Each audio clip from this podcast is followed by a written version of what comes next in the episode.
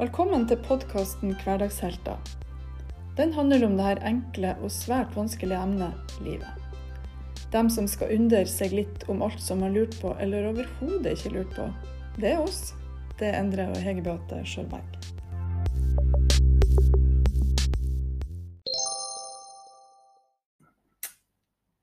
Hei, og velkommen til deg, Rolf Magnus Ora. Takk skal du ha. Hyggelig å være her. Ja, det er faktisk årets is som er med oss her i dag. Ja, eller halvparten av vi, kan du si. Jeg skal få snakke litt om det etterpå, men eh, jeg må nesten presentere deg litt her. Du er en eh, De fleste her i byen kjenner deg vel kanskje nå i de siste årene som eh, den som driver og driver frem lærlingene. Ellers, jeg måtte jo snike litt når du skulle komme hit. Jeg ser at du, har, du er jo en teater- og kulturmann. Pedagog, bakmann og gründer for Kultursjekken, festivalsjef på Bjørnsonfestivalen. Um, og jobber mye på høgskoler. Ganske god eh, og bred bakgrunn både på teater og i forhold til skole og oppvekst. Mm. Men hvem er Rolf? Nå så vi mye om hva du har holdt på med, men eh, hvem var Rolf? Hvem var du når du var en liten gutt, og hva drømte du om når du vokste opp? Ohoi, ja. Som man sier i Molde, ohoi meg sjøl. Ja, for det første så er jeg jo født og oppvokst i Mo i Rana. sentrale strøk, som jeg sier, midt i Norge. Eh, og jeg holdt på med altså, musikk og teater og til alle døgnets tider. Så det var alt fra danseskole til folkelekering til kor til band til teatergruppe. Mm. Så det var det var stort, stort engasjement for de samme tingene som jeg holdt på med nå, egentlig. Mm. Så du bestemte deg egentlig tidlig da hva du hadde lyst til å jobbe med? Ja, eller det jeg visste at jeg ville, det er at jeg ville være pedagog. Og hadde lyst til å jobbe i type skoleslag, kan du si, som der, der vi sammen med elevene kunne bestemme hva vi skulle holde på med. At det ikke var styrt fra statlig hold, som mye av grunnskoler og sånt. til. Så jeg visste at jeg ville bli førskolelærer, eller barnehagelærer som det heter nå for tida. Og at jeg ville ha teater- og musikkutdanning. Så ble det teaterutdanning først. Og da var toget kjørt i forhold til det være i gang med prosjekt, så jeg driver stadig og håper at jeg skal få tid til å ta den musikkutdanninga. Men det nærmer seg at jeg begynner å gi opp akkurat den. Mm. Og så ble du pedagog. Hvor du gikk du på skolen, da? På... Jeg gikk på Nesna på lærerskolen. Ja. Og så teaterutdanninga var på Bergen lærerhøgskole. Det var to helt forskjellige studiesteder. Altså med på Nesna det var 1600 innbyggere ca., inkludert eh, halvparten av det var studenter. Mm. Så det var en fascinerende plass, og ekstra fascinerende å oppleve folk som kom fra Oslo og som syntes det var gøy når du kom på butikken og så sto det en lapp på døra der det sto at er på kafeen, kom dit. så, så det, det hadde de ikke opplevd så mye i Oslo. Ja. Til det å mens jeg var der, savna det kulturtilbudet som var i Bergen, for jeg hadde bodd der allerede noen år. Uh, og når jeg kom til Bergen, så oppdaga jeg at egentlig, mens jeg gikk på Nesna, så var jeg på alt av teater og konserter og alt som kom tilreisende. Og det var veldig mye.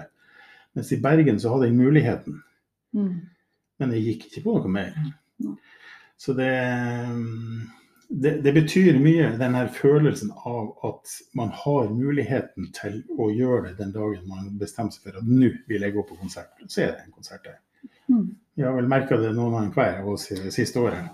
Det har vært veldig spesielt. Ja. Eh, nå har det nesten over i hardt vær det siste året, men det, det, det kan vi ikke ta i den poden her. Men det er klart, det å bevare sånt samfunn som du snakker om, det tror jeg er en stor verdi for små lokalsamfunn som, som får lov å utvikle sånne muligheter som det du beskriver. Helt klart. Mm. Og det lever så veldig mye i små, små samfunn. Jeg syns, jeg syns jo det er fryktelig fascinerende å se hvor, hvor tett det blir i forhold til kulturlivet. Det er sånn som eh, fotball, for å snakke om det. Altså, når jeg var gutt i Mo i Rana og Hødd var et av favorittlagene ante jo, altså Jeg syns det var så fantastisk at den lille Mm. plassen en eller annen plass på Vestlandet klarte å ha et eh, fotballag som var så godt, som hevda seg mot lag fra Oslo og Trondheim. Det trenger ikke være stort, det trenger bare være et sterkt samhold. Det betyr fryktelig mye. Mm. Og det er jo like sånn som nå når jeg eh, får lov til å boltre meg sammen med Vestnes teaterlag, som jeg setter fryktelig høy, eh, stor pris på. Altså, det er en fantastisk gjeng her. Særdeles dyktig. Kan organisering, kan eh, sine kunstneriske ferdigheter. Det er en fryd å få leke sammen med dem. Også. Mm. Liten plass, mye gode folk. Mm.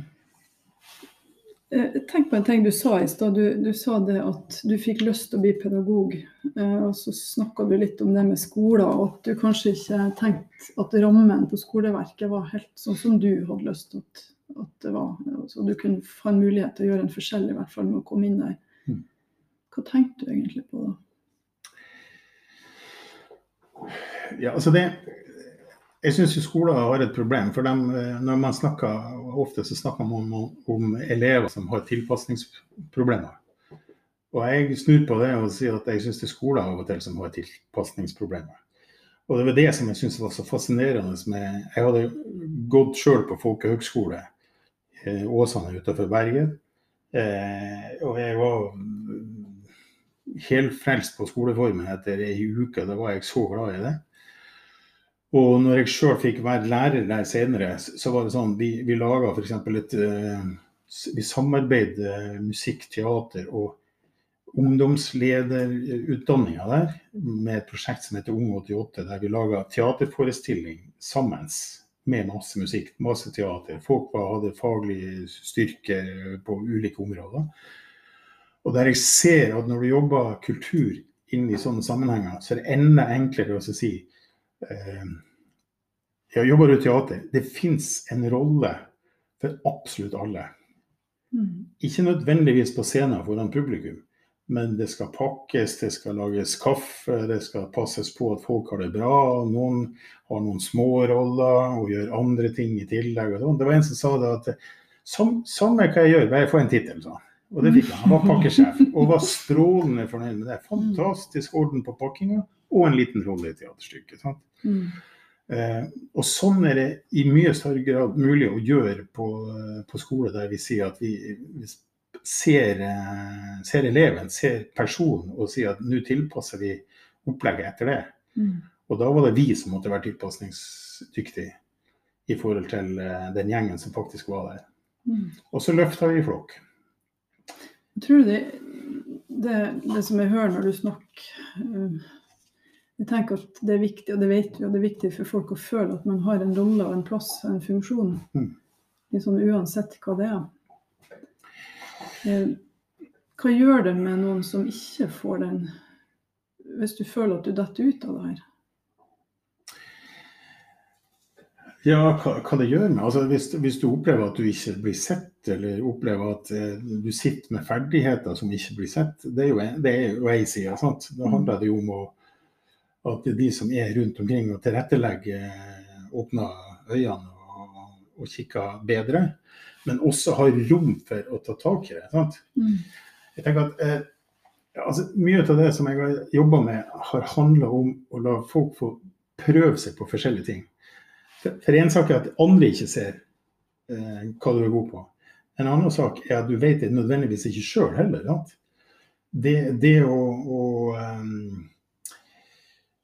F.eks. vi jobber med Kultursekken. Da, for å si, eh, For du jobba på kulturavdelinga i Fylkeskulturavdelinga, der var jeg leder for formidlingsseksjonen. Vi etablerte Kultursekken. Og der var eh, Målet var at flest mulig skulle få sjansen til f.eks. det å se forestillinger, teaterforestillinger, høre musikk, oppleve billedkunst, litteratur. Delta i egne aktiviteter. Og For meg så er det ikke det viktigste at alle skal drive med teater eller musikk fordi at jeg syns at det er fantastisk. Men jeg vil at alle skal ha, kunne hatt sjansen til å prøve det litt for å finne ut er det noe for meg. sant? Mm. Eh, Jeg har jo opplevd sjøl at, eh, at jeg har blitt utfordret på ting som jeg ikke ante var interessant. Og plutselig så, eh, så har jeg oppdaga nye sider her i livet som har krydra livet mitt ganske kraftig også. Så det, Mm. Så det, det er vår har du lyst til å si litt om det? litt interessant, da. Liksom, hva, hva, hva er det som gjør at vi kjenner at vi, vi, vi utfordrer? Hva som utfordrer deg, da? Ja, altså det, det å eh, få sjansen til å få ha lov til å ikke være så god i noe. Mm. Jeg hadde en, eksempel en kompis på, på folkehøgskolen som jeg, jeg sa til han jeg er så misunnelig på deg, for du er så god å tegne. Mm. Jeg kan ikke tegne. Så han bare på meg og sa han, tull, sier han. Du er god å tegne, men det kan hende at du må bruke lengre tid enn det jeg gjør. Mm. Jeg har aldri tegna ei en fin tegning før. Men han fikk meg altså til å sette meg ned og bruke flere dager på ei tegning som han kunne gjøre på en halvtime. Den tegninga var jeg ganske stolt over. Mm. Og det å oppdage at jeg faktisk hadde det i meg Jeg var, ikke, jeg var langt ifra like god som han, men jeg oppdaga ei helt ny side med meg sjøl som Det er den eneste tegninga jeg har laga, men den er jeg stolt av. Fordi at jeg oppdaga at jeg faktisk hadde det litt i meg. sant? Ja. Og noen blir jo tent på det og sier at jøss, mm, nå overrasker jeg meg sjøl. Og så fikk du litt oppbacking av han i tillegg. Helt klart. Og det er særdeles viktig at eh, noen, noen sier akkurat det. sant? Mm. Tror på. Ja. Det virker som du har tenkt når du snakker at det med barn og unge, det er også ut ifra det du har jobba med, selvfølgelig har gjort at, at barn og unge er vært litt hjertebarnet ditt. Stemmer det? Ja, altså eh, Helt klart. Altså, for, fordi at det, det er ofte i den tida at man eh, for, formes. Altså, det, er, det er vanskeligere å få folk til å se etter nye sider ved seg sjøl jo eldre du blir. Men jeg syns jo det også er veldig spennende å, utfordre noen på det der jeg har muligheten til det. Men i uh, ungdomstida så er det større sjanse for at de sier OK, ja, men la meg Jeg kan prøve. Sant? Så det å prøve å lage de her gode, trygge arenaene der det å gå litt på trynet er ikke, er ikke ille, men det, det er til og med bra. Altså det, sånn, eh, det var en amerikansk basketballspiller eh, Nå kan jeg ikke alle begrepene, det er sikkert andre her som kan bedre enn meg. Som skåra eh, masse poeng og ble kåra til årets spiller for at han skåra så mye. Og så ble han spurt om Heter det? Skåra poeng? Ja. Mm. Sikkert greit. Ja, Ja. Innafor. De skjønner hva jeg mener. Det skårer poeng. Eh, og så ble han spurt om eh, blir du ikke, blir det ikke lett å bli hørt på pæra når du scorer så mye. Da bare kikka han på intervjueren og så sa han, har du sett hvor mange ganger jeg har bomma? Mm. Og det han indirekte sa, det er at, eh, at det å bomme på mål er ikke det motsatte av å treffe, men det er en del ut av det. Altså du må, så, du må være så trygt og bom på mål at du kan skyte ti skudd, og så treffer du på den tiende. sant? Og hvis man har det som en slags leveregel her i, i, eh, i livet, liksom, at det, at det er lov til å Ja, du bør gå litt på trynet, Mm. eller så kommer du ikke videre. Du må, du må, det var en, jeg var på et eh, seminar for jazzmusikere en gang. Og der var det en som sa det, at hvis du, hvis du ikke har spilt feil i løpet av en konsert, så har du spilt dårlig. Da har du spilt akkurat det du Mm. kan fra før av. Kommer ingen vei. Sant? Det å ikke bare akseptere at du gjør feil, men Mm. søk det, rett og slett. Men, men er det litt sånn at man er litt redd for og Når du sier det er jo spiller i korps og forskjellig og sånn, du du er jo livredd for å spille feil. Er vi litt redd for å gjøre feil i livet òg? Jeg har vært skikkelig nervøs på scenen én gang, vet jeg. Og det var, jeg fikk lov til, eh, som yngstebarn, å være med på en sånn nasjonalt korturné med, med 150 sangere, med bevegelse og sang og tøft. Det var skikkelig morsomt. Og når du sto på scenen der, og du visste at nå skulle alle gjøre den samme bevegelsen samtidig, og gjør jeg det til høyre og det andre til venstre, så er det veldig synlig. Da blir det feil. sant? Mm. Men hvis du står alene på scenen, eller du spiller sammen med folk som, eh, som kan være med og si eh, OK, du gjør sånn. Ja, men OK, da gjør vi andre sånn også, sant? Du kan ikke stoppe et helt kor og så si at OK, kan vi ta det på nytt igjen? Da har du bomma, sant? Mm. I den sammenhengen, når det blir så uniformert at alle prøver å gjøre det samme, både helt konkret i den sammenhengen også, men, men også i, i andres sånn generelt i livet. Hvis du prøver å gjøre akkurat det samme, og du gjør noe der, så blir det veldig tydelig at du gjør feil, og ikke noe annet. Mm. Kanskje. Mm. Jeg bare tenkt Grunnen til at jeg spør om det, jeg spør Endre litt òg, som, som har Dere har jo jobba mye med ungdommer. og for meg som kanskje er litt mer sånn på sidelinja, jeg jobber mye inn mot ungdom, men ikke på samme måten som det dere har gjort, så virker det som at det har endra seg litt. Altså det med å, det å feile er blitt vanskeligere på en måte. Prestasjonskulturen er, er stor. Eh, Alt er veldig tydelig pga. mye. Altså alt vises i sosiale medier. Jeg vet ikke, er det, er det sånn, eller er det på en måte noe bare som vi, som vi har lært å tenke? For det blir jo sagt en del. Eh, ja, altså Jeg kan ikke si om, om at jeg vet at det er blitt eh, verken verre eller bedre. Det, det er jo mye enklere å, å eh, vise seg fram sjøl, sant. Eh, sånn at er du trygg på deg sjøl, så har du mange flere flater å vise deg frem på. Er du usikker, så, uh, så blir kanskje det tydeligere.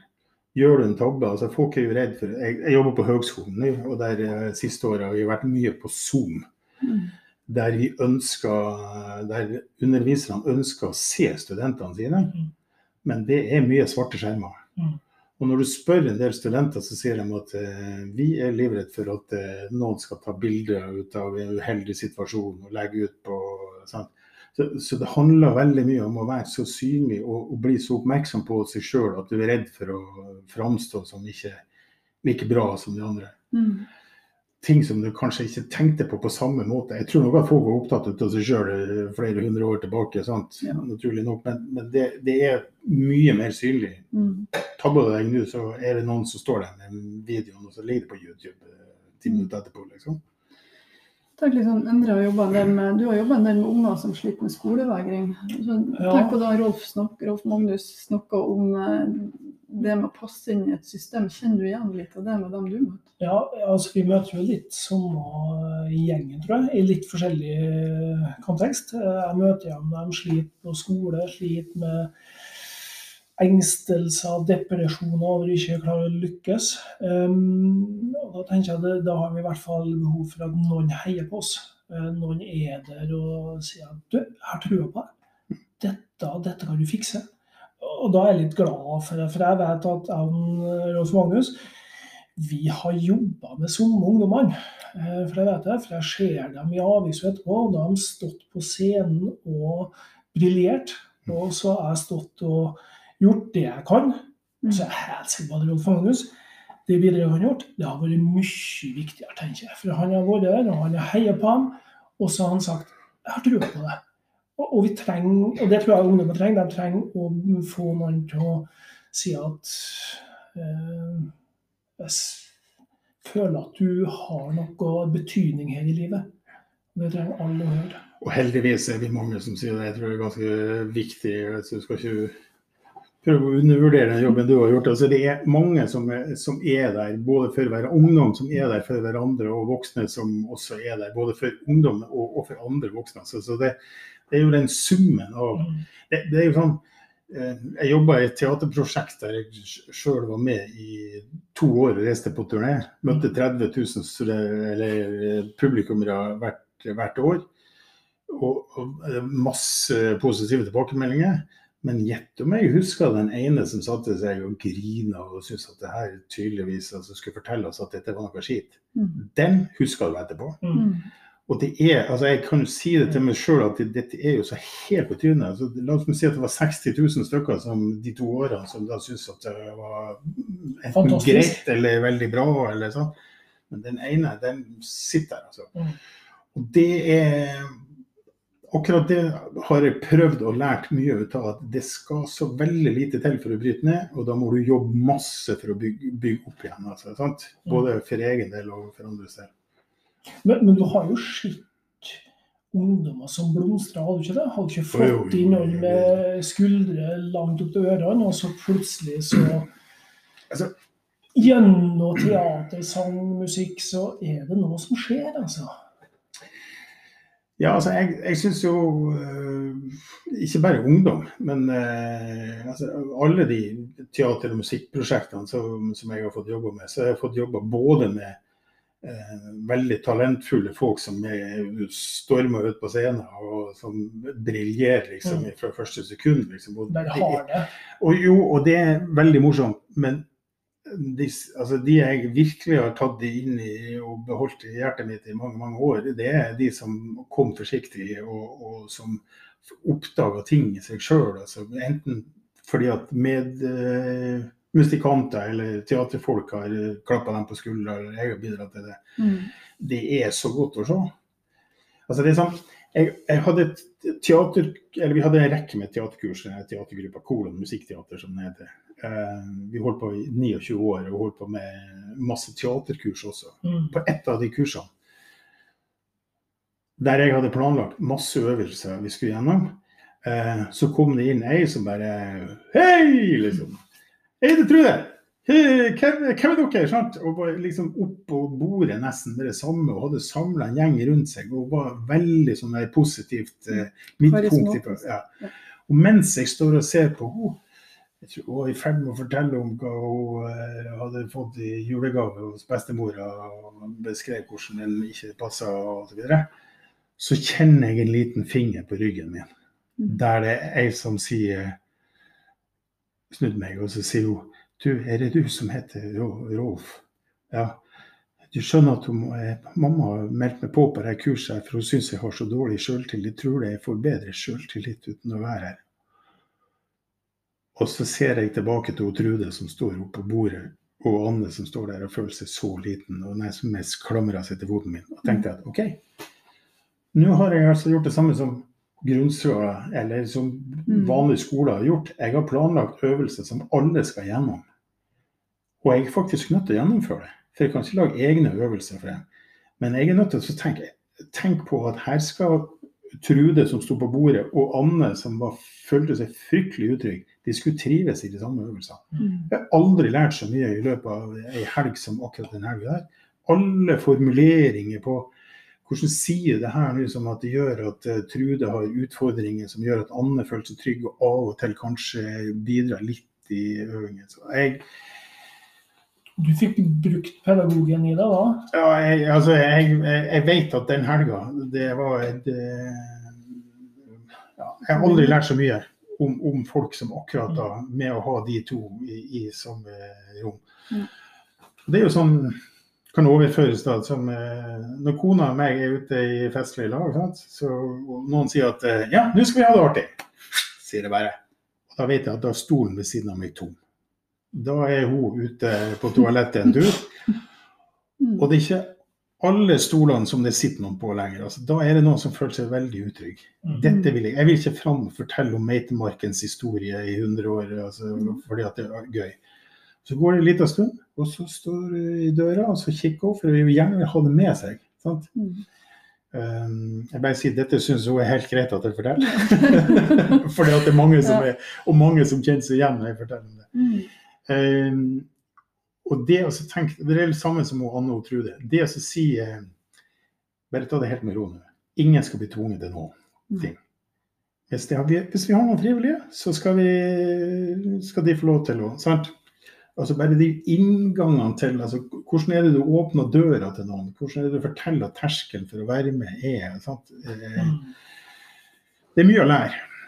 Og av og til så treffer man skikkelig, og av og til så bommer man, selvsagt. Så det er om å gjøre å lære begge deler. Mm. Men jeg tenker noe av det viktige du sier der, er jo det her det å omsette til andre ting i, i livet. Altså den læra, eller den, si, den endringa du opplevde. Det blir sånn skifte på en måte i måten man tenker på, for det går opp noen lys der det, OK, det her var viktig for meg. Det har jeg lyst. Det har jo sikkert gjort at du har brukt det i en del andre settinger. Ja, ja, ja, ja. Og jobba på høgskole og i, i andre. Ja, det er jeg sier jo, jeg har jo sagt det senest i dag, det er ganske nyttig å være førskolelærer eh, når man eh, jobber uansett med folk. Fordi at man får, at man får et annet blikk. Altså, det var en fantastisk utdanning å ha i bunnen. Mm. Og en fantastisk erfaring å jobbe med folk som, som virkelig ser etter mennesket hele tida. Sånn, jeg er opptatt av det. Jeg, jeg er stolt av å være eh, barnehagelærer i bunnen, selv om det er mange år siden jeg har jobba som det. Men den erfaringa er, er, veldig på plass. altså. Så ble du pedagog, og snakka litt om Du har jo ført litt rundt i Norge, som du sier, og opplevd mange ting. Og så kom du til Molde, da. Når var det? Og hvorfor i alle dager kom du fra Mo i Rana og rundt, og så havna du her? Ja, det var jo kjærligheten, da, vet du. 29.8.1981. Klokka ti over halv tre. Da kom eh, kona mi og begynte på Åsane folkehøgskole. Vi var der og skulle underholde. Så dama gikk over uh, gulvet og tenkte at OK, nå vet jeg noe som jeg ikke visste før i dag. Så jeg kan fortelle hva hun hadde på seg også, så det, det var Altså her er det kjærlighet ved første blikk, ja, det, Magnus. Ja, ja, helt klart. Var det omvendt òg? Eh, nei. Nei? Men eh, vi var der og spilte igjen eh, den samme gruppa. Det var en teatergruppe som vi snakket om i stedet. Vi var Mm. der eh, to-tre dager senere. Og så eh, satt hun Det var i ei sånn peisestue, og det var en ledig plass ved siden av henne, så jeg spurte om jeg kunne sette meg der. Og, ja, det var greit. Oi, standardspørsmålet hvor, hvor den dialekten kommer fra? Ja, den var fra Molde, da. Oi, sier jeg liksom. Moldejazz, har du vært med på det? Ja. Jeg skulle på en konsert med, og så nevnte hun en uh, jazzgitarist, navnet på. Og det er sånn, åh, vakker dame, kan jazzmusikere. det var det eneste navnet hun kunne, antagelig. Det, det- ettertid. Ja, ja, men det er ikke nøye. Og så spurte hun for at jeg hadde sunget en vise av Tom Lehrer, og vi spilte mye Tom Lehrer. Så det var, altså, da var jeg helt solgt. Så etter det så har ikke jeg tenkt på andre damer. Nei. Men eh, det gikk jo en stund da før at vi, vi eh, ble sammen. Og det Så hun skjønte ikke det intuitivt, det du skjønte?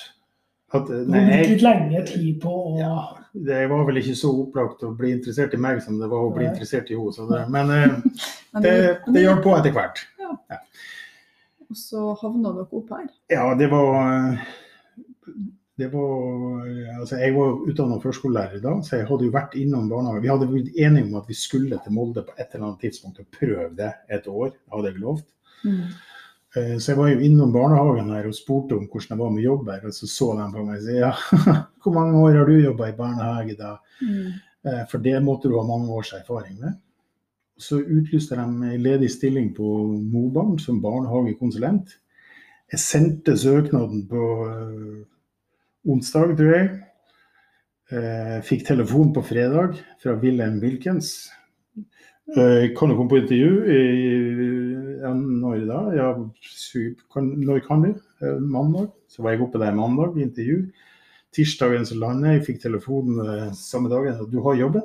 Eh, og jeg ble veldig fascinert av Mm. tempoet. Mm. At det var mulig å jobbe så kjapt når det var viktig. Ja. Eh, og jeg lærte jo også masse av William Wilkins. Jeg lærte at eh, det var ikke alle nødvendigvis som var like glad i ham, for han var så, han, var så på handlingens mann. Altså, fantastisk, syns jeg. Altså, det eh, kunne alt. Eh, ja, jeg, det var en del avisskriverier annet i begynnelsen på diskusjoner om hva slags, eh, hvordan ting var. og sånn, og Det var mye feil informasjon, så jeg ba om å få lov til å skrive, skrive en artikkel i avisa. Det han sier at nei, det skal vi ikke gjøre.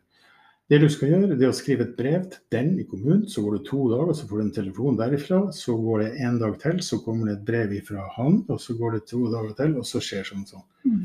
Akkurat det han sa, skjedde. Han var så dyktig på det. Så um, Veldig bra og engasjert mann. i ja.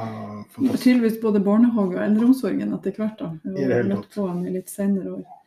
Eh, Men du har jo veksla litt. Det starta med barnehage, og så gikk det mye over til kultur også her i Molde. da. Ja da. I, hva det var, I 88 vi flytta hit. Ja.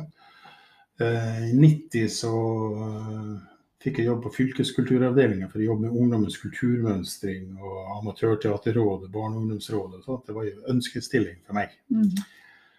Og så ble det da hun som var ungdomskonsulent på kulturavdelinga, hun fikk en annen jobb. Og jeg eh, fikk tilbud om å ta den. Og den var oppretta for å skulle skrive ungdomsplan for fylket. Og etter at jeg fikk stillinga, så ble den ungdomsplanjobba planjobb, oppdraget Mm. flytta til planavdelinga. Så jeg satt der med ei stilling uten arbeidsoppgaver. Og så gikk jeg til eh, sjefen min og spurte eh, OK, hva, skal jeg, hva vil du at jeg skal gjøre nå? Og da sa han finn på noe lurt. Mm. Det er den deiligste beskjeden jeg noen gang har fått. sant? Så nydelig. Så da var vi ute ganske kjapt og snakka med Eller etter hvert, da. Med barn og ungdom. Det var, ja. Jeg kan si det var, det var en kultursjef som på et møte sa at eh, jeg er ikke så opptatt av teater. Og da tenkte jeg betyr det at det er mindre teatertilbud i den kommunen? Og jeg sjekka, og det var det. Så da fant vi ut eh, i 92 at vi skulle ta en runde og snakke med, med ungdom med byråkrater, politikere, kulturmedarbeidere, kunstnere osv., lærere, og spør hvis vi hadde et eh, manifest, Ung kulturmanifest, som da hette, eh, som sa barn og ungdom i Møre og Romsdal bør ha minimum følgende kulturtilbud. Hva skal det stå under der? Hva er minimumet, uansett hvor du bor hen? Så fikk vi masse innspill på det. Og vi hadde et eh, ungdomsting som behandla dette manifestet tre år på rad, og, og som har vært grunnlaget for masse av det som har skjedd i fylkeskommunen. Bl.a. etablering av Kultursekken, Kulturnista og det som etter hvert har blitt Den Mm. kulturelle skolesekken på nasjonalt nivå. Um. Og jeg, jeg har vært kjempeheldig med veldig spennende og dyktige Eilif Birkeland heter den første fylkeskultursjefen, Arvid Blindheim den andre. Eh, og fått masse frie tøyler sammen med han og andre til å kunne jobbe med akkurat det som jeg syns var viktig. Det å finne ut hva er det folk, eller barn og ungdom bør oppleve, sånn at de har vært borti det og kunne gjøre sine bevisste valg senere. Har de sett eh, ti teaterstykker i løpet av barne- og ungdomsskolen og fortsatt ikke syns at teater er interessant, så er det helt greit. Veldig rart, men helt greit. sånn, eh, og det er meninga med hele Kultursekken. Så Mm. Du har skapt enorme Det er jo fantastisk å få lov å, å få, få bidra. For det, er jo, som sagt, det har jo hatt store ringvirkninger etterpå. det her, og Det å få lov å være gründer og vært med og lagt ned en sånn jobb, um, har jo gitt mye bra opplevelser for mange. Det må være litt OK å sitte og tenke på noe i etterkant. Ja, da, og det, altså, jeg har jo hatt fantastiske folk å jobbe sammen med, så det er, det er Jeg har vært kjempeheldig, Mm. må jeg si. Men hva som gjorde at du, for, for da så skifta du igjen etter en stund. For da hadde du jo egentlig en, en veldig veldig OK jobb der man holdt på med noe, så gikk du litt videre. Så ble det utlyst en stilling på teatret vårt som formidlingsleder. Eh, Det er jo ikke noe tvil om at eh, sjela mi ligger dypt djupt festa i teater. Karl Morten Amundsen som jobba der da, var teatersjef. Jeg hadde fryktelig lyst til å jobbe der og lære mer av han, og kunne se, jobbe med Kultursjekken på andre sida. Mm. Så min jobb var på en måte å tilrettelegge for de kulturopplevelsene som barn og ungdom og andre skulle ha, eh, med å si hva, hvordan, hva pakker man rundt det. Altså hva, hva gjør man i forkant, hva gjør man i etterkant, eh, når vi gjør ikke noe. Altså Jeg vil ikke gå på alle teaterforestillingene og har vært gjennom et uh, workshop og alle, jeg vil ha opplevelsen der og da. Sant? Men av og til så er det godt å kunne vite litt på forhånd. Sånn. Mm. Det var jobben min.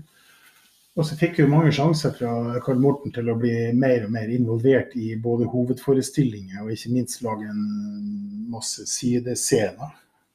Mm.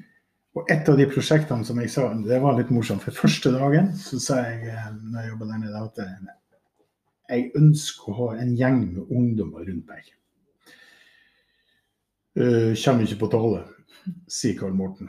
Og Jeg stussa litt på det. og lurte på hvorfor. Jeg skjønte etter hvert at det var noen andre prosjekter på andre teater der, uh, ja, som, uh, som hadde gjort at han sa det. Men vi hadde et samarbeid på, uh, på internasjonalt nivå i Europa med uh, Magic Net. Som besto av både et samarbeid med profesjonelle aktører, eh, åtte forskjellige land, åtte forskjellige teater. Og det var, for å få lov til det, så måtte du ha et ungdomsprosjekt på si. Og de reiste og var litt på de samme samlingene, men holdt på med egne prosjekter.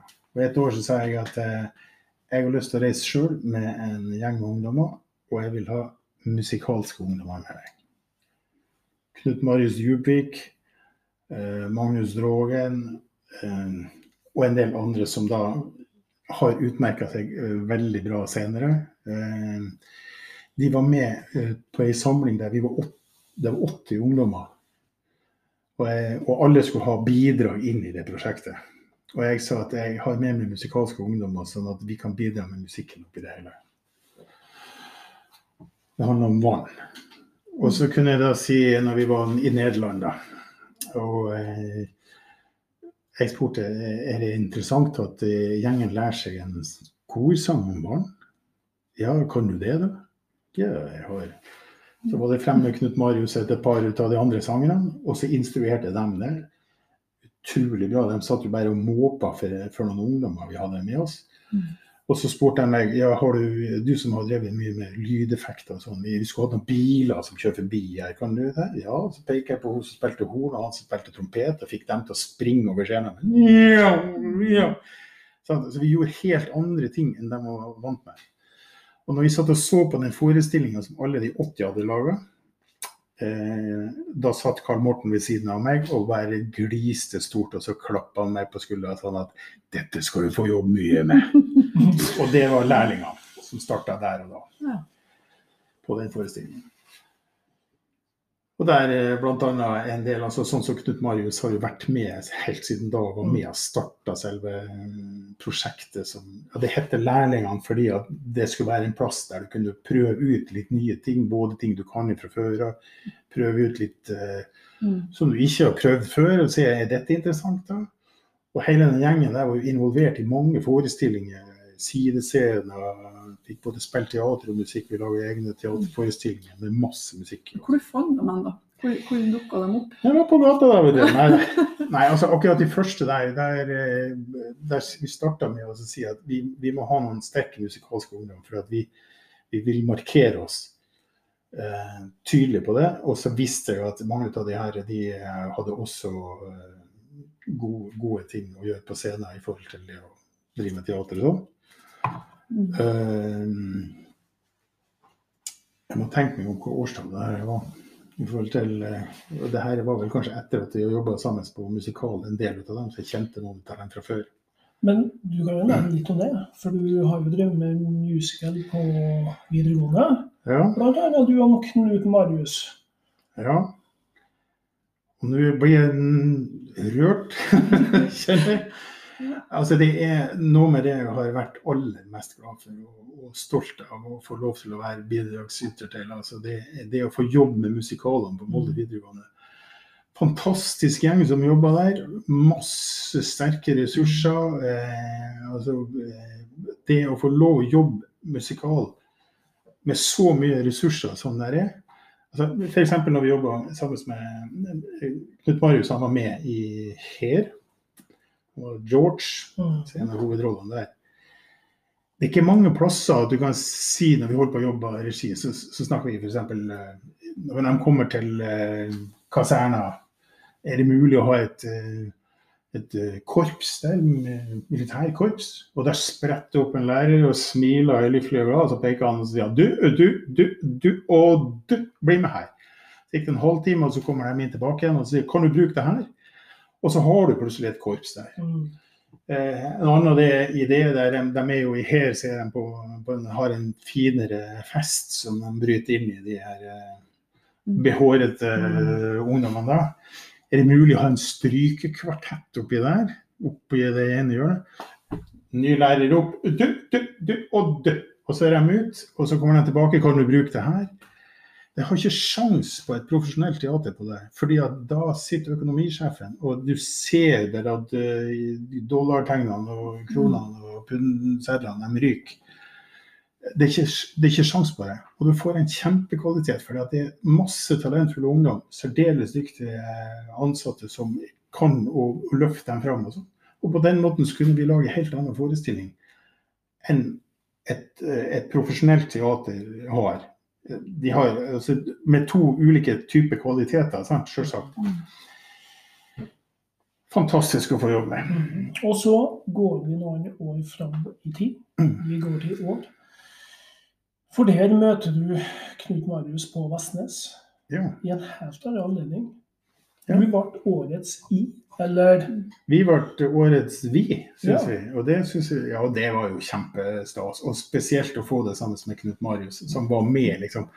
Og det var jo det som eh, var begrunnelsen, at de ville synliggjøre noe av det her eh, sammenhengen mellom eh, det å, å ha talentfulle ungdommer som, i, i, sånn som har vært med i lærlingene, bl.a. Det er jo mange av dem, ikke alle, men mange av dem som har gått på musikklinja og fått uh, veldig god opplæring der. Og uh, forhåpentligvis, og jeg vet jo også mange har sagt det, at gjennom lærlingene så har de fått en erfaring. Jeg har mine ting jeg kan tilføre eh, i tillegg til den gode musikkopplæringen de allerede har. Eh, Men å gi dem ikke minst erfaring for å, for, for, for å stå foran ulike typer publikumsgrupper. Altså det, og eh, det å kunne utfordre dem til litt andre ting enn de eh, kanskje ellers ville ha vært borti, eh, det syns jeg er spennende. Men litt tilbake til at du òg ble jo årets I. Det var ikke bare Knut Marius. Så jeg tenker, det, det, hva gjør det for deg? Ja, det, det er jo stas, eh, det må jeg si. Og ikke minst så, så merker jeg jo at eh, årets I det blir lagt merke til der i Mm. området. Så vi har fått masse oppmerksomhet rundt omkring det jeg driver og jobber med. Mm. Eh, Jeg må jo si at det, eh, som kulturmedarbeider så- så er man ja, Jeg har lyst til å si følgende. Det er noen som jobber, jobber i kultursektoren, og ja, kulturkjøkkenet, for å holde meg til det, som gjør veldig synlige jobber. Og så er det veldig mange som gjør fryktelig mye uten at de aldri blir synlige. Så jeg, jeg, jeg er jo en av de som har vært bortskjemt med at uh, ting jeg har holdt på med, har vært synlige i media, som gjør at det er enklere å både få sponsor som har lyst til å være med. Vi har Sparebanken Møre som har gitt oss støtte i mange år. Så Fantastisk eh, bidrag eh, til at vi kan kjøpe oss utstyr og gjøre, hente inn workshops og diverse sånt. Um, så, så jeg er bortskjemt med å, å ha fått mye oppmerksomhet på det man holder på med. Knut Marius også. Um, så jeg bare lyst til å si at det er veldig mange som gjør fantastisk mye, særdeles viktig, som aldri kommer i avisen, som aldri får en pris, som aldri altså sånn, eh, Som er, er Og det handler ikke om må på si, bære nå er det gåsøya vi snakker om her, og, og kjøre frem og tilbake, som veldig mange gjør. Men altså masse bidrag eh, som gjør at noen kan stå på scenen over skinnen, liksom. sant? Jeg kan jo spørre deg, Rolf Magnus, for jeg tenker at mye av det du mye av det vi snakker om nå, men du har greid å skape en forskjell, og du har lyktes med ting og sånn. Men, men hva som, så du har, gjort, du har gitt mange andre en opplevelse med å gjøre det her. Du har bistått til at, at noen har fått formidla, og andre har fått opplevelse. Men noe som har gjort virkelig inntrykk på deg underveis her, som, som kanskje ikke Som du snakker om, det er ikke alltid det de store opplevelsene. Du snakka litt om musikeren og sånn, men, men, men øh, øh, Altså de, de største opplevelsene er nødvendigvis ikke de største opplevelsene for publikum, tenker jeg. Eh, Men det er når noen kommer og sier at jeg ante ikke at jeg torde å gjøre det der, og du fikk meg til å stå på scenen og gjøre sånn. Da blir jeg lykkelig og glad. Altså. mm. Ikke fordi at det er så viktig å stå på scenen, men fordi at det er viktig å oppdage at, at det å oppdage at man har et eller annet å bidra med i ulike settinger. Sant? Det å, og, og hvis, eh, Av og til så er det jeg som bidrar til det, av og til så er det de som jobber sammen med dem som sier at jo, kom igjen, eh, det, dette fikser du. Sant? Og så plutselig så kommer de og så har de vært på i gruppeøving og laga i koring som eh, altså, sant? Mm. Um, jeg hadde, ansvar, jeg hadde regien, ikke ansvaret, men regien på Sykehusrevyen et par år. Og der fikk jeg en av de tilbakemeldingene som jeg eh, altså, virkelig husker. Sant? Det var ei som var med, jeg skal ikke nevne hvem, men eh, hun hadde vært med i mange år og sagt at hennes bidrag det er å koke kaffe og eh, bake og lage mat og sånt. Og det hadde aldri tenkt på den sjansen i det hele tatt for å være på scenen. For det var ikke, hun var ikke interessert i det i det hele tatt. Altså. Men hun trivdes i det miljøet. Så. Og så gjorde jeg det som jeg bruker å gjøre innimellom. Det er når jeg har en liten mistanke om at det kanskje er en liten spire der, som du kanskje til og med ikke vet om sjøl engang. Så. så sier jeg um, Um, Anne er borte i dag. Kan ikke du bare lese eh, den teksten? Bare lese akkurat nå, sånn at vi får øvd videre. Altså absolutt ikke noe press til å prestere eller i det hele tatt. Det endte opp med at hun var med i en uh, scene uh, der hun Jeg har aldri sett noe så uh, vilt og galt på en scene. Så jeg storkosa meg med å se henne der. Og da kom det et lengre takkebrev etterpå der hun takka for at jeg hadde sett henne, og hun hadde aldri tenkt å stå på scenen. Det visste jeg for så vidt ikke, at hun hadde aldri tenkt å stå på scenen. Men at det var veldig viktig for henne å ha brutt den barrieren. Mm. Det var det viktigste med de to sykehusrevyene. Det var hennes eh, oppdagelse av seg sjøl. Mm. Hvis du skulle få ønske deg å tenke noe fremover, hva eh, ønsketenkning? Ønsketenkning når, når, det gjelder musikk og kultur? Ja. ja nei, det har jeg uh, Eller egentlig alt? Ja. For livet? Uh, er det nå man skal svare fred på jorda? Ja. Ja, nei da, eh, og det ønsker man selvfølgelig, altså litt større ting enn akkurat det. Men hvis vi snakker om kultur og sånn, så er det jo jeg, jeg sammenhengen mellom det å jobbe med musikk og teater uh, har betydd mye for meg. Og jeg stortrives når jeg får sjansen til å jobbe med det. Så det å få fortsette å jobbe f.eks. med den fantastiske gjengen på, på Vestnes Vi holdt på bare, altså vi ble stoppa, vi skulle ha enda en Vi har jo satt opp noen musikaler der borte. Mm. Uh, og vi skal fortsette så snart at koronaen er lagt død. Eh, vi har noen andre prosjekter òg. Det å få sjansen til å lage noen type større oppsetninger med bl.a. de vi kaller for gamlingene. Mm. Altså det, det, jeg synes jo, vi, vi, I 2010 så laga vi en forestilling, en heit sommer, som var med masse musikk og humor og sånt, som vi fikk, lov til å lage som en del av jobben på teatret vårt. Eh, der vi blanda de som var lærlinger da, og så henta vi inn gamlingene. Så jeg var i Kristiansand og øvde sammen med Knut Marius, Sofie Medosa osv.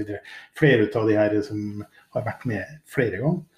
Og den koblinga der, der du ser der de yngste kan se hva er det som er mulig å få til når du jobber bare hardt nok. Altså, sant? Jeg ser hvordan du løfter Magnus Drogen, eh, Magnus Drogen som vi har hatt med mange ganger. Sant? Eh, bare se når han kommer inn eh, i blåserekka, ser de de andre senker skuldrene, så spiller de bedre. Uten at de nødvendigvis trengte å øve mer engang. De, de bare enda tryggere, for de vet at de kan lene seg på. Og sånn har vi brukt gamlinger. Og det er for lage ei stor oppsetning med gamlingene, som vi kaller dem. Som jeg ikke er en del av. Overhodet ikke. Nei, jeg, jeg, tør ikke slutte i lærlingene, Da blir jeg plutselig gamlingen. Oh, men det gleder vi oss til, Rolf Magnus. Og vi, vi, håper vi gleder oss til det blir lettere tider der man kan være med på, på sånne arrangement og få litt opplevelser i lag igjen. Vi har snakka mye og lenge. Det er ikke så enkelt med nordlendinger som slipper til, til mikrofonen. Men det har vært veldig interessant hele veien. Jeg syns det har vært veldig spennende å høre både om livet ditt og deg som person, og ting som har vært viktig for deg, og ikke minst hva du har greid å utrette ut ifra engasjementet ditt og den forskjellen du har gjort for folk. Så det har vært veldig, veldig OK. Mm. Og men vi må ikke glemme det, alle våre gjester. Vi utfordrer dem litt. Vi utfordrer dem med å komme med noe historie, et eller annet som ingen vet om deg, Rolf Magnus. Har du noe på lur til lyttere av oss her? En fun fact her? Eller en litt tragisk eh, Gjerne kom med noe tristesse og sånt, og det Ja. funka, det òg. Ok. Gråt på slutten, det Og så flirer vi, da. Ja. Nei, hva det skulle være da? Um... jeg, jeg, ja, jeg gikk på uh, folkehøgskole i 72-73. Åsane folkehøgskole. Altså, gikk du to år? 72-73 var, det var ett skoleår. Okay. Og så um, Og det gikk jo ikke lange tida før jeg ble fryktelig glad i det skoleslaget. Det er en annen sak. Det er ikke noe fun fact. Det er en veldig seriøs sak. Det, men for meg så handler det om at jeg plutselig traff masse jevnaldrende som var opptatt av det samme. Og det som tok tida ifra skolearbeidet mens jeg bodde i Mo i Rana, det var plutselig skolearbeidet. Sånn. Mm. En av de tingene som eh, Da gikk jeg på musikklinja der. Eh, en av de tingene som vi hadde hver mandag, det var noe som kaltes for frie aktiviteter. Som vi var tvungen til å være med på. og der var det sånn at det var to-tre timer, jeg husker ikke helt, eh, hver mandag. Og så var det fire uker på altså Fire ganger to-tre timer på sløyden, sånn at alle skulle få prøvd det. Skolekjøkkenet. Eh, ja, keramikk, eh, foto og tekstilforming. Tekstilforming hadde jeg aldri blitt forventa altså Aldri noen som forventa noe at jeg skulle gjøre, fordi at jeg var gutt i 72. Jeg hadde sydd en gympose mens jeg gikk på barneskole en gang i tida, det var forventninga. Og så ble man dytta inn på eh, sløyden. Og det var jo fantastisk gøy. Plutselig så gikk jeg altså Jeg kunne jo sy den største slengen i buksa som jeg eh, ville ha. Og i 72 så ville man ha en stor sleng i buksa, skal jeg love deg. Mm. Så eh, Og, og syntes at det var så gøy at når vi da kom til de fire neste ukene som var musikk, så kunne vi velge fritt hva vi ville fortsette med. Og da ville jeg fortsette på tekstilform. Så jeg sydde en del andre ting også. Klær og diverse. Og så glad jeg ble jeg i det at jeg valgte å gå et år senere, i 75. Så var jeg tilbake på Åsane, og da gikk jeg tekstilforming. Og lærte masse å sy. Det har jeg ikke sydd så veldig mye de siste årene, det har nok teater og musikken overtatt. Men bare det å få sjansen til, og det er noe av det som jeg syns har vært viktig eh, med en del av det som jeg har drevet med, det er la folk få sjansen til å komme borti ting så de oppdager ting de eh, kanskje er gode på. Eh, eller i hvert fall kanskje er interessert i.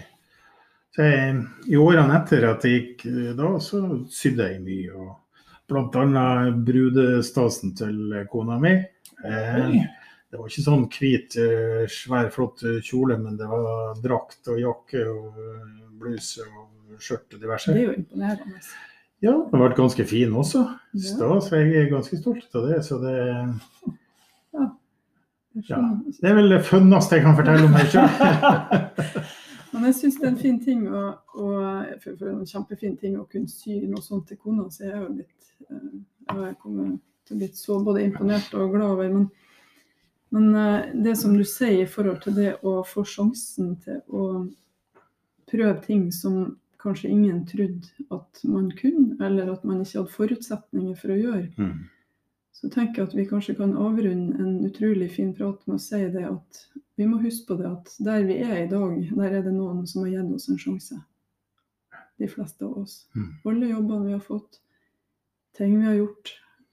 Og det å huske at vi også, alle sammen, kan være med og gjøre en forskjell for andre med å gi dem en sjanse der vi har muligheter, istedenfor å bare se begrensninger i ting. Det kan utgjøre ganske store forskjeller for dem vi møter på hver dag. Og ikke minst for måten man ser på seg sjøl. Altså hvis du oppdager mange ganger at det var ikke så farlig. Jeg kunne gå litt på trynet. Det var helt greit. Det var en del av det å lære seg ting og oppdage nye ting. Veldig bra. Takk skal du ha for det. Tusen hjertelig, Rolf Magnus. Sjøl Og lykke til videre. Og så håper vi Endre vi er med og ser på forestillinga på Vestnes. Når den Vi er med. Vi ser på første rad. Nydelig. Hjertelig velkommen skal dere være. Lykke til videre. Takk, takk.